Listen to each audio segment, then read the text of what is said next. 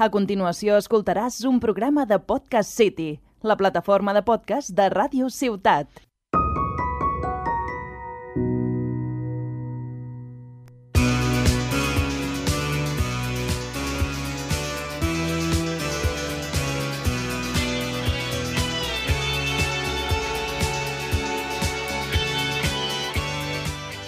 Benvinguts a un nou programa de podcast Parlem del Nàstic. Avui parlarem del partit contra el Futbol Club Barcelona B, farem la prèvia pel pròxim partit davant l'Unió Esportiva Costa Brava i parlarem sobre el recent conflicte que hi ha hagut a la, a la primera Real Federació Espanyola de Futbol. El conjunt gran ha guanyat el Futbol Club Barcelona B a l'estadi Johan Cruyff amb un resultat de 2 a 0, on l'equip va jugar un partit molt decent i no va deixar el Barça exhibir el seu joc, i el pròxim partit serà davant la Unió Esportiva Costa Brava, l'antiga Unió Esportiva Llagostera, que va, que va penúltima amb molt, molt mala dinàmica i té molt complicat la seva salvació. El Nàstic de Tarragona guanya el conjunt barcelonista 0-2 a l'estadi Johan Cruyff, en un partit en què el conjunt grana va sortir a fer el seu joc, a, pres a pressionar i, diguéssim, a forçar els jugadors del Barça a cometre errors, i així va ser. El primer gol és fruit d'una pressió intensa que fa que s'equivoqui el porter del Barça Arnau Tenes, i Dani Romera sorteja rivals, incloent el porter, i li passa Bonilla que plaer marcava el seu primer gol de la tarda.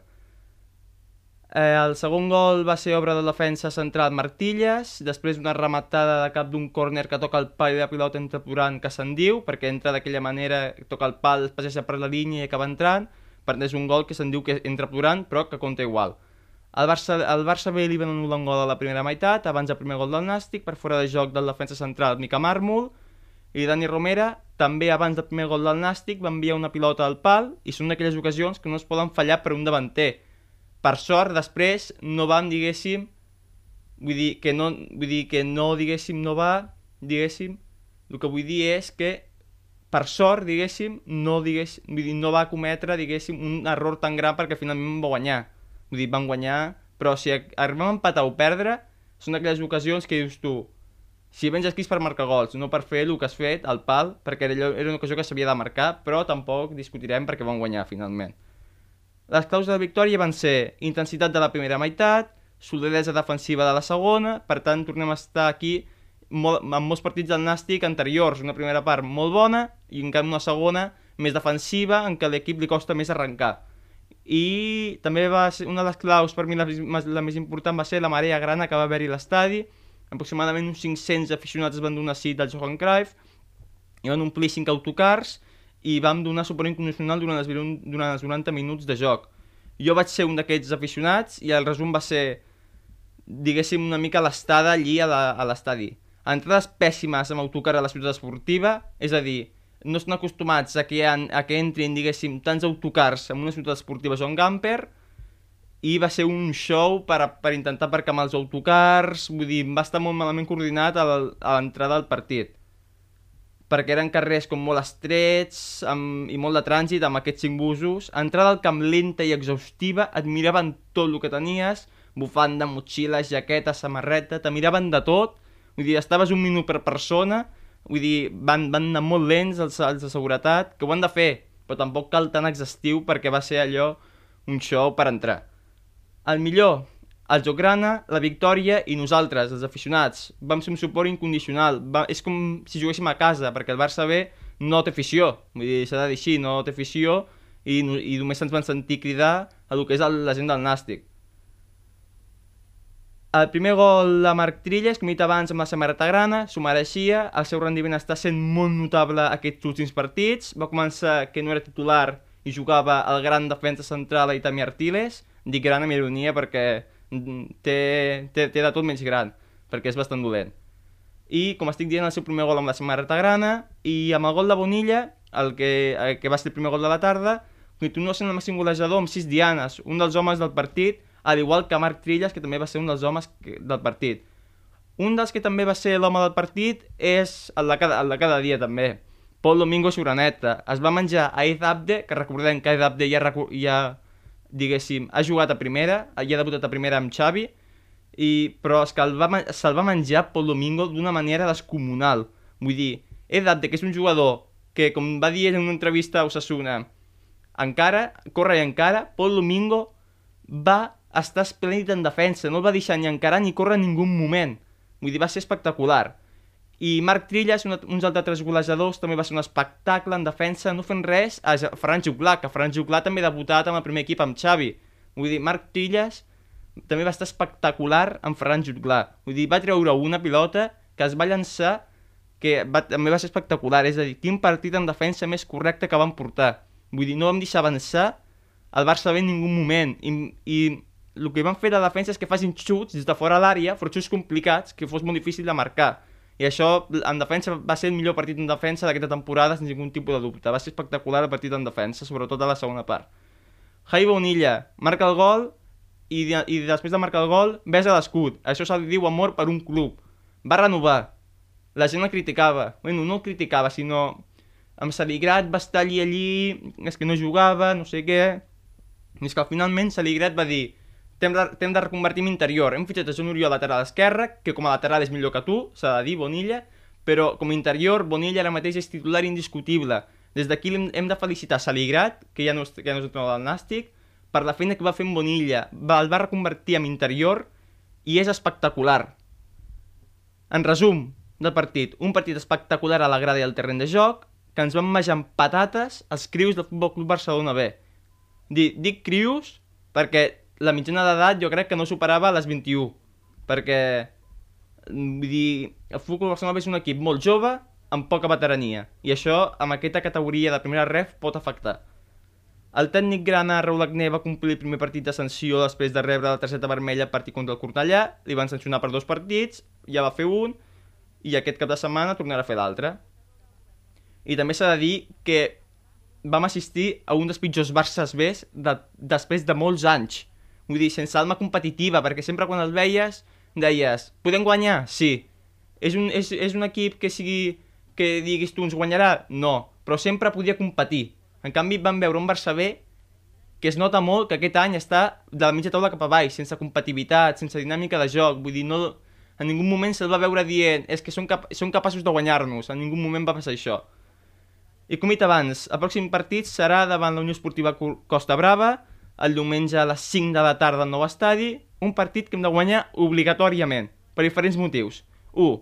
Juguem a casa, al temple, al nou estadi, amb la nostra gent, digue-li com vulgui, ha de ser un fortí. Sí o sí hem de guanyar. Juguem amb els penúltims de la Lliga, porten 21 punts. Com a visitants només han aconseguit 8 punts. És a dir, estan pitjors que nosaltres com a visitants, cosa que és difícil ja, eh? I ens hem de menjar i enfonsar encara més els trossos de mugre i rates de lladrastera. Ho dic així, sense pels a la llengua. Se'ls hem de menjar, ni oblit ni perdó del que ens van fer. Sí o sí se'ls hem de masticar, menjar com va fer Pol Domingo a Medabde. Si podem fotre'ls 5, els fotem 5, sense pietat. A matar, com se, com se diu. Hem d'anar a fer mal. Un Costa Brava que ja no té d'entrenador el ploramiques d'Oriol Alzina, però segueix a l'organització d'aquell equipet que han dit que anar a jugar a Palamós per sobreviure perquè amb aquell poble de Llagostera no, no dona per més, ha tingut que anar a Palamós per, per, amb aquell camp per jugar perquè el seu camp, la veritat, no es pot dir ni camp perquè és de tot allò menys camp, perquè és un, és un patatal que tenien allí a Llagostera. Una Unió Esportiva a Costa Brava que ha perdut un jugador molt important al mercat d'hivern, Alex Calatrava, que ha marxat al filial de la Colchonero, és a dir, l'Atlètic de Madrid B. És una baixa molt important perquè estava sent el millor, però és evident que quan també un filial d'un primera, i d'un primera en aquest cas bo, és evident que se te'n vagi. Vull dir, aquí al Nàstic també li, li hagués passat això. Aquest mercat d'hivern ha fet molts fitxatges, com Sergio Gil provinent de, de l'Ajax dintre Extremadura Unió Deportiva, Àlex López de Grot, exjugador grana que aquí va passar sense pena ni glòria, perquè és un jugador amb característiques molt pobres. Nua Marong és aquell davanter que ens va marcar el gol a la pròrroga en el playoff en aquell partit que, que és i serà el robo més gran de tota la història que l'hem fet al Nàstic.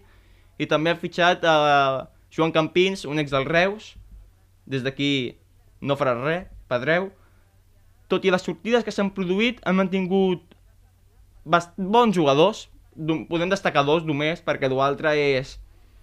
Són jugadors amb característiques molt limitades, i un d'aquests jugadors és el porter Marcos Pérez, ja porta bastants anys a l'entitat del Costa Brava, abans de Unió Esportiva Llagostera, o Lladrastera, com li vulguis dir.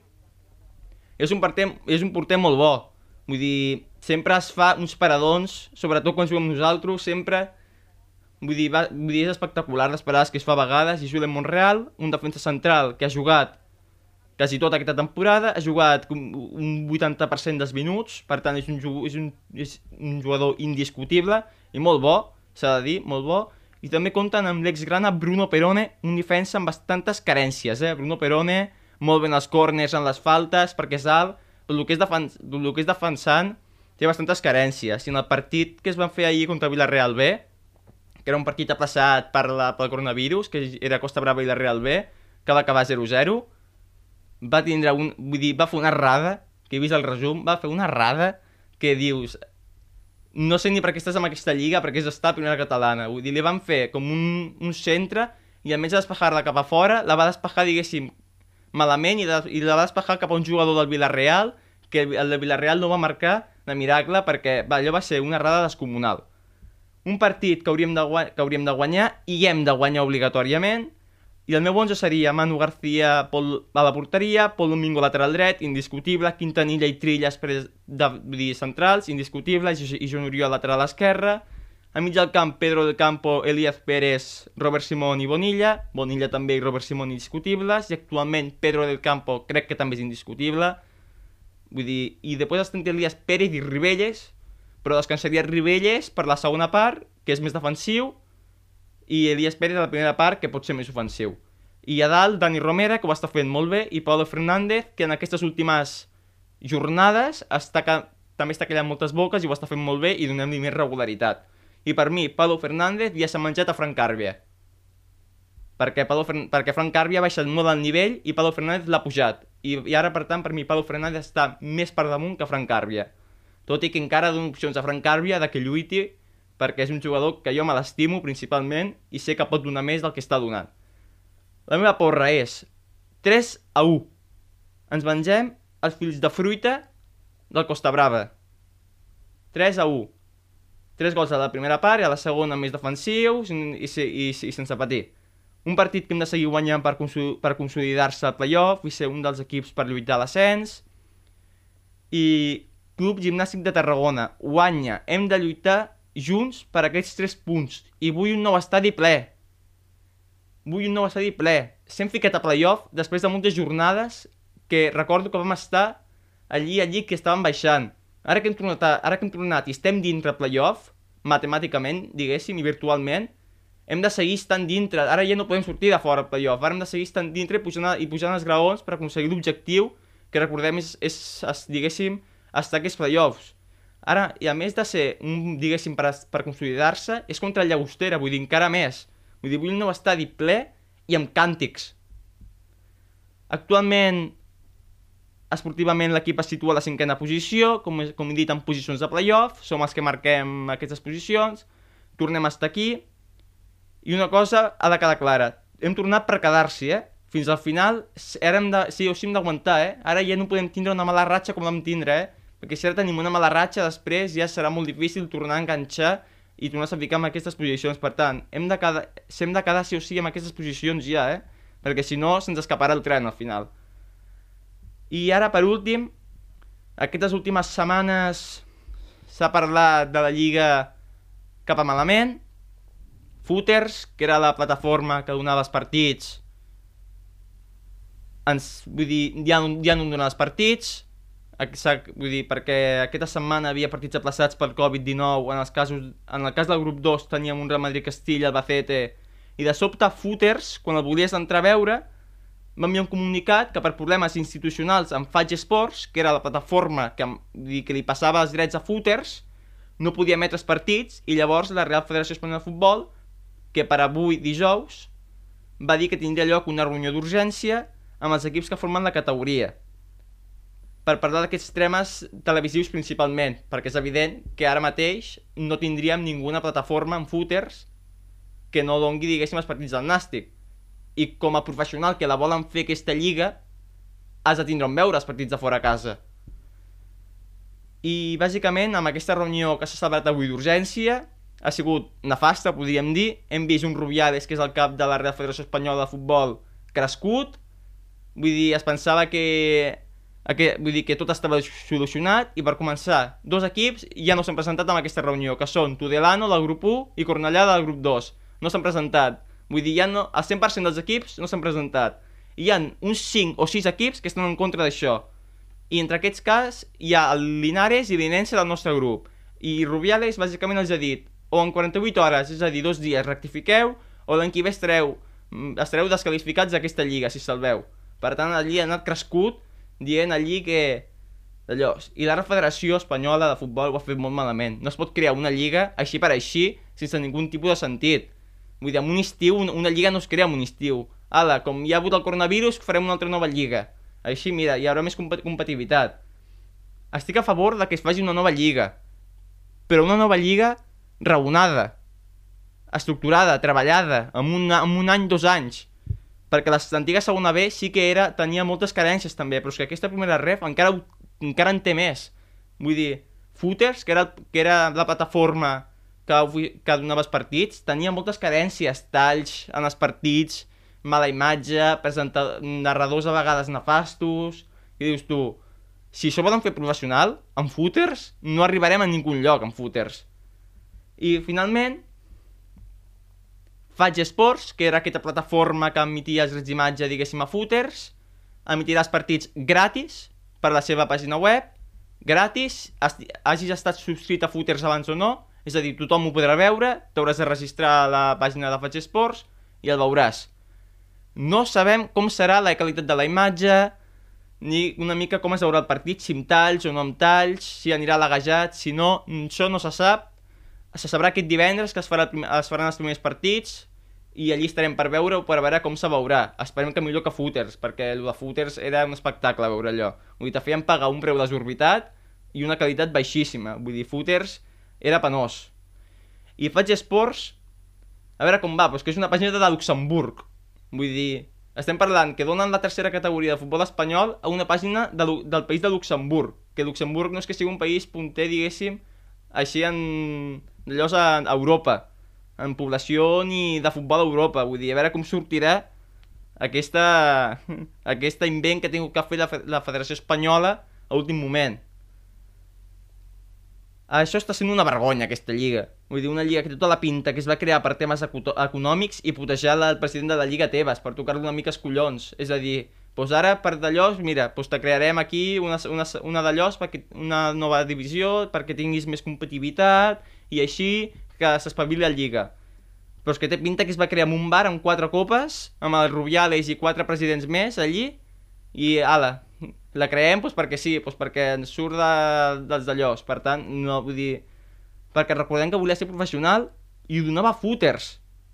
Vull dir, footers era una plataforma que tenia moltes carències. Vull dir, m'incloeixo. Jo li he pagat footers. Però és que no val la pena pagar-la, eh? Footers? Footers no val la pena pagar footers. Vull dir, e, e, era molt penós veure allò. Vull dir, que dos per tres es lagejava, el que he dit abans. No valia la pena footers. I Rubiales, què fas? Vull dir, a veure, aquí si ens espavilem una mica més. Vull dir, eh, perquè no... Àrbits penosos hi han... Vull dir, està sent una lliga que sí que hi ha més equips competitius que la segona B, és una lliga potser algú més competitiva, sí que algunes normatives estan bé, com l'any que ve tots els camps de gespa natural, però és que hi ha més coses negatives que positives. Vull dir, està sent de moment decepcionant aquesta lliga, aquesta lli primera ref que es deia primera ref Footers, ara també s'haurà de canviar el nom, perquè això de Footers, que es diria primera ref Fuig Sports, Vull dir, serà una mica això bastant liu perquè ara s'han de canviar moltes coses. I si fan una reunió és per aclarir temes, no per no aclarir ningú tema i que sigui un desastre. Perquè la reunió d'avui ha sigut un, un autèntic desastre. I a més no es feia per ningú mitjà de comunicació. Vull dir, els aficionats i els clubs, diguéssim, no, els clubs no perquè hi anaven, menys dos, que han sigut l'excepció, però els aficionats, els clubs, hem de tindre dret a saber què passa en aquella reunió ens implica saber el que passa. Els mitjans de, de comunicació han de, han, han de tindre entrada, no han tingut ni entrada. Imagina't el calenteta que haurà estat aquella roda, aquesta reunió d'urgència que li ha dit. I gràcies per escoltar-nos un dia més aquí al podcast Parlem del Nàstic.